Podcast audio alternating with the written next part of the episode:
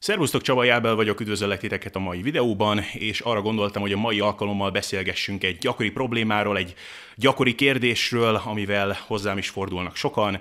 Ez pedig az, hogy hogyan kell felhozni egy gyenge izomcsoportot, vagy egy makacs izomcsoportot, ami láthatóan nem annyira akar nőni, legalábbis nem annyira, mint a többi izomcsoport, szóval picit vissza van maradva a fejlődésben.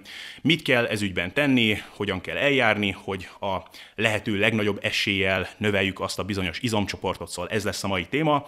És arra gondoltam, hogy menjünk végig egy ilyen checklisten, tudjátok mi ez a checklist gondolom, ami alapján diagnosztizálni is lehet a problémát, és orvosolni is lehet azt hatékonyan. És ennek a checklistnek az első pontján egy olyan dolog van, amit fontos tisztázni, és szerintem erre kevesen gondolnak, amikor egyáltalán ez a kérdés felmerül, az pedig az, hogy az a bizonyos gyenge vagy makacs izomcsoport, az valóban egy gyenge izomcsoport-e, vagy csak valamilyen szubjektív dologról van itt szó. Tehát tőlem is ezt sokszor megkérdezik kliensek, akikkel együtt dolgozom, sokszor a folyamatnak az elején, amikor elkezdünk együtt dolgozni, hogy szerinted egyébként melyik izomcsoportomra érdemes jobban odafigyelni, vagy melyik izomcsoportom van inkább visszamaradva, és az esetek 90%-ában erre az az én őszinte és objektív válaszom, hogy még korai ezt megmondani.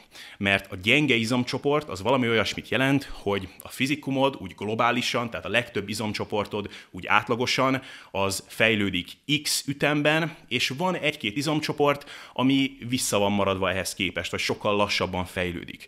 Ugyanakkor, hogyha valakinek a fizikuma még úgy unblock globálisan alulfejlett, még nincsen megedzve, hát akkor nehéz megmondani, hogy melyik az az egy-két izomcsoport, ami még ennél is kevésbé fejlett. Egy picit olyan ez, mintha ránéznél egy vödör éretlen zöld cseresznyére, és akkor meg kellene mondanod, hogy melyik az az egy-két szem cseresznye, ami még éretlenebb. Hát ezt eléggé nehéz megmondani, ugye? Ugyanakkor, hogyha van egy már szép nagy adag piros megérett cseresznyéd, hát akkor könnyű megmondani, hogy melyik az az egy-két zöld szem cseresznye. Igazából itt arra próbálok kitérni, hogy mielőtt még egyáltalán ilyesmiről beszélni lehetne, hogy melyik izomcsoport van visszamaradva, vagy melyikek a gyengébb izomcsoportjaid, ennek időt kell adni. Tehát ezt egy éven belül nem fogod tudni objektív módon megmondani. Mondjuk három éven belül már valamilyen objektív képed lesz erről. Ide kapcsolódik még az is, hogy nagy különbség van a között, hogy egy adott izomcsoport az alulfejlett vagy makacs, a növekedésre nem hajlamos, illetve a között, hogy esetleg egy izomcsoport az nem úgy néz ki, ahogyan te azt egy ideális, szubjektív ideál szerint elképzelted. Tehát senki nem objektív a saját fizikumát tekintve. Tehát a férfiak például nagyon szeretnek a bicepszükre, a deltáikra, meg a mellizmukra fókuszálni, és hogyha a férfiak 90%-át megkérdeznéd, hogy mondjuk melyik az az egy-két izomcsoport, ami szerinted nem fejlődik úgy, mint kellene, akkor nagyon jó eséllyel azt fogják mondani, hogy hát a mellizmom, főleg a mellizmomnak ez a felső része az, az alul van fejlődve, vagy a bicepszem az, az nem eléggé nagy, nem eléggé kerek, hogy itt valami nincs rendben. Ugyanakkor ritkán fogod azt egy férfitől hallani, hogy hát szerintem a combfeszítő izmaim azok alul vannak fejlődve, vagy akár a hátizmaimnak egyes részei azok alul vannak fejlődve. Egyszerűen azért, mert nem erre fókuszálnak a férfiak úgy általában. Ugyanakkor nőktől ritkán fogod azt hallani, hogy hát szerintem a bicepszem alul van fejlődve, azt sokkal többször fogod hallani, hogy hát a fenekem, a fenékizmaim, azok, azok nagyon alul fejlettek, hát ezekre sokkal többet kellene dolgoznom. Na most valóban így van ez? Tehát tényleg egy ilyen világjárványról beszélhetünk itt, hogy a férfiaknak a bicepsze meg a mellizma az nem növekszik megfelelően, a nőknek pedig a fenékizmai azok alul fejlettek? Nem, itt egyszerűen csak arról van szó, hogy az ember az mire helyezi a fókuszt, mire figyel oda, és mivel elégedetlen a saját szubjektív megítélése szerint. Na de akkor tegyük fel, hogy ezt a dolgot ezt adresszáltuk, és valóban objektíven nézed a dolgot, tehát már edzel legalább egy három éve mondjuk, és megállapítottad azt, hogy a legtöbb bizomcsoportod az fejlődik egy bizonyos ütemben, és tényleg van egy-két ilyen makacs pont a testeden, ami egyszerűen vissza van maradva. Miket lehet még itt csinálni? Na most az első dolog, amit mindenképpen adresszálni kell még itt, az az életmód, a regeneráció, a táplálkozás, az alvás és hasonló dolgok. Ami egy nem túl szexi témakör, ugyanakkor fontos ezt megemlíteni. Ugyanis amikor például az ember diétázik, tehát kalóriadeficitben eszik, akkor a regenerációs képessége az valamennyire kompromitálva lesz. Amikor az ember nem alszik eleget, állandóan mondjuk bulizik, talán most egy picit kevesebbet így a világjárvány során, de egy picit túlságosan egy rockstarra emlékeztet az embernek az életvitele, akkor nehéz optimálisan fejlődni az izomnövekedés terén. Ez különösen igaz akkor, amikor az ember nincsen genetikailag megáldva az izomépítés terén. Tehát, hogyha valakinek ehhez nincsen nagyon szuper genetikája, akkor még nehezebb lesz szuboptimális regeneráció mellett megfelelően izmot építeni. Na most, hogyha az embernek van egy ilyen makacs izomcsoportja, ami nem nő úgy, mint a többi izomcsoport, akkor hát definíció szerint az a bizonyos izomcsoportja, az genetikailag nincsen megáldva. Tehát azt a bizonyos izomcsoportot nehéz növelni, még optimális körülmények között is, ugyanakkor, hogyha a regenerációs kapacitásod az nagyon kompromitálva van, akkor ez még nehezebb lesz. Tehát például, hogyha belekezdesz most egy nagyon kemény diétába, tehát kitaláltad magadnak, hogy most fogsz lediétázni mondjuk 7% testzsírra, akkor ne számíts arra, hogy ez lesz az az időszak, amikor szintre fogod hozni ezeket a makacs izomcsoportjaidat. A következő nagyon fontos alapvetés itt az az adott izomcsoportoknak a megfelelő edzése. Tehát az edzéstechnika, a gyakorlatoknak a megfelelő kivitelezése, ez nagyon-nagyon fontos. Tudom, ez egy alapvető dolog, nem kellene erről beszélni ideális körülmények között, de a gyakorlatban sajnos ez nagyon is releváns, nagyon sokak számára. Tehát például, hogyha a combizmaid úgy érzed, hogy alulfejlettek, de googolásnál csak egy fél távig, vagy negyed távig mész le, vagy a láptológépnél fél távig, negyed távig mész le, és így végzed a legtöbb gyakorlatot, akkor hát olyan nagyon-nagyon azért nem lehet reklamálni azt illetően, hogy a combizmaid azok nem fejlődnek ideális esetben. És természetesen ez igaz a többi izomcsoportra is, tehát hogyha úgy érzed, hogy a mellizmaid azok nem kellően fejlettek, és a fekvenyomást azt ilyen féltávig leereszkedve végzed, meg óriási súlyokat használsz, amikkel egyébként semmi dolgod nem lenne, de csak ilyen félmozdulatokat végzel, akkor megint csak talán mindenek előtt ezt adresszálni egy jó ötlet. Ide kapcsolódik még az a koncepció is, hogy még ha a lehető legjobb technikai kivitelezésre is törekszel, bizonyos gyakorlatok, még akkor is, hogyha papíron úgy egyébként azok lennének a legjobbak, egyes embereknek egyszerűen ilyen biomechanikai okokból nem valóak. Tehát a googolás, igen, papíron az egy nagyon szuper gyakorlat a combizmokra, de például nagyon magas, hosszú lábakkal rendelkező embereknek sokszor nem az ideális gyakorlat, mert rendkívüli módon előre kell dőlniük, miközben végzik a guggolást, ilyen módon a törzs, meg a hátizmok, azok nagyon erősen bekapcsolódnak, a fókusz egy kicsit áthelyeződik a combizmokról ezekre az izomcsoportokra, és sokszor például, hogyha ezeket az embereket megkérdezed egy ilyen komoly guggolós nap után, hogy melyik izomcsoportokat érzed kifáradtnak, vagy esetleg melyikekben van egy kicsi izomláz, akkor sokszor a combizmokat meg sem fogják említeni, hanem azt fogják mondani, hogy hát a csípőm az, az úgy eléggé sajog, meg hú, hát a hátamat azt nagyon-nagyon érzem.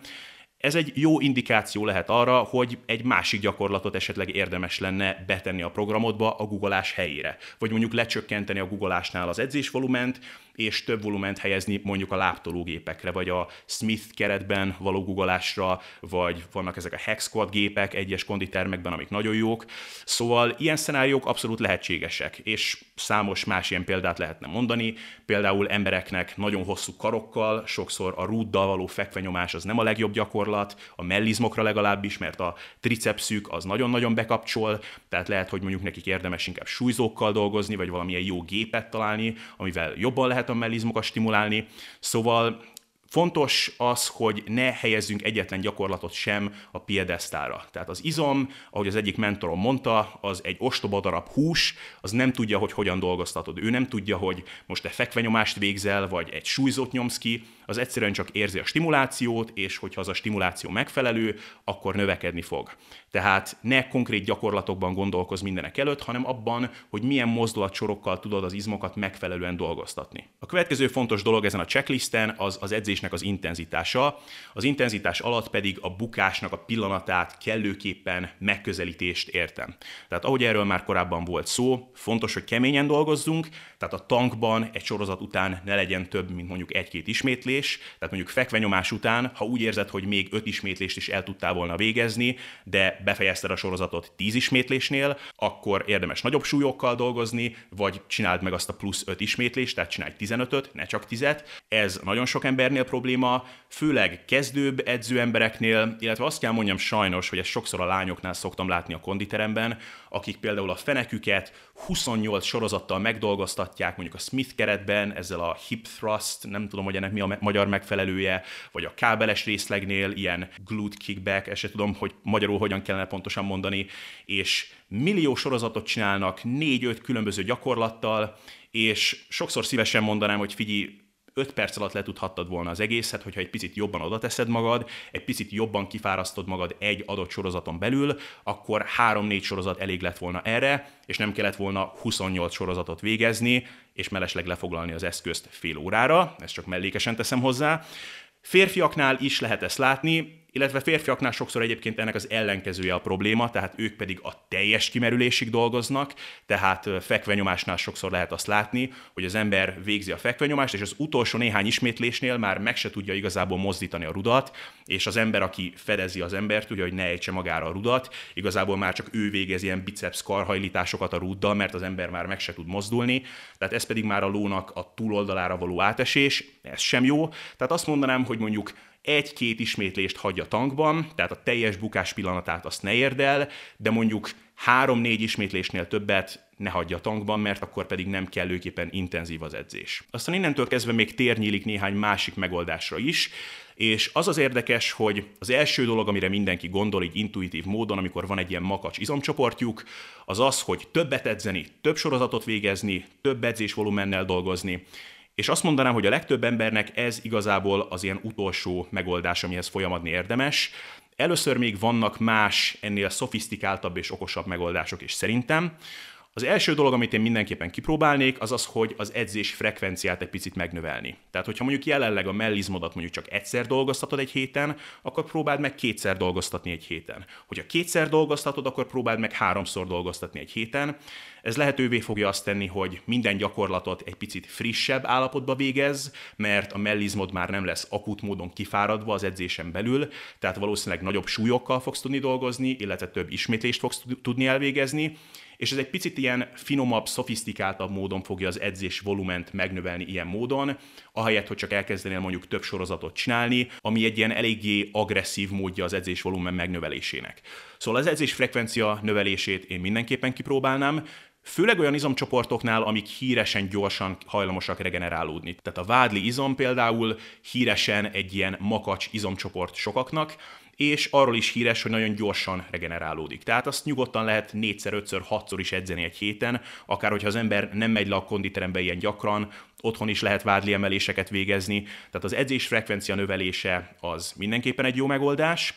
A következő dolog, amire szintén kevesen gondolnak, az az, hogy az edzésen belül hanyadik gyakorlatként végzel arra az adott izomcsoportra gyakorlatokat. Tehát például, hogy megint csak a vádli példáját előhozzuk, a vádlit nagyon sokan az edzésnek a legvégén csinálják. Tehát például mondjuk csinálnak egy lábedzést, és elkezdik az edzést mondjuk guggolással, aztán jön a lábnyújtógép, aztán esetleg jön valamilyen felhúzás variáció, aztán jön egy kis lábhajlítógép, és aztán mondjuk az edzésnek a legvégén jön a vádli emelés.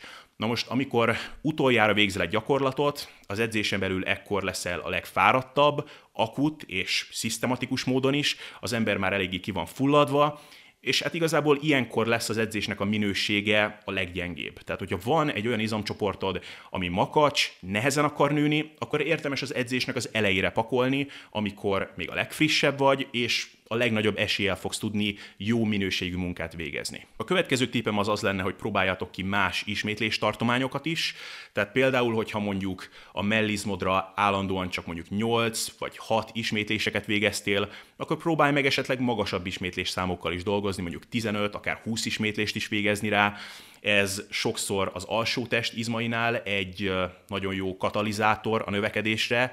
Valahogy az alsó testnek az izmai egyébként is valahogy úgy tűnik, hogy a magasabb ismétlés számokra jól reagálnak, Nehéz megmondani, hogy pontosan miért. Lehetséges, hogy azért, mert a mindennapi életben ezeket folyamatosan használjuk, hiszen ezeken járunk, kelünk, ugye, úgyhogy már eleve egy picit hát adaptálódva vannak a nagyobb edzésvolumenhez, úgyhogy jobban esnek nekik a nagyobb ismétlés tartományok, úgyhogy ha állandóan mondjuk csak 8 ismétlésekkel googoltál, vagy láptológépeztél, akkor próbálj meg ilyen 15-20 ismétléseket is végezni. Mondjuk ne a googolásnál, a 20 ismétléses googolás az eléggé brutális, de mondjuk egy lábnyújtógépen, egy láptológépen nyugodtan ki lehet próbálni ilyen 15-20, akár 30 ismétléseket is, ami brutális, de sokaknak eléggé jól működik. És akkor utoljára beszéljünk egy kicsit az edzés volumenről, tehát mondom, intuitív módon mindenki erre gondol, hogy ha nem nő egy izomcsoport, akkor végezzünk rá több munkát, több sorozatot, és bizonyos esetekben tényleg ez a megoldás, ugyanakkor azt is fontos megemlíteni, hogy sokszor van,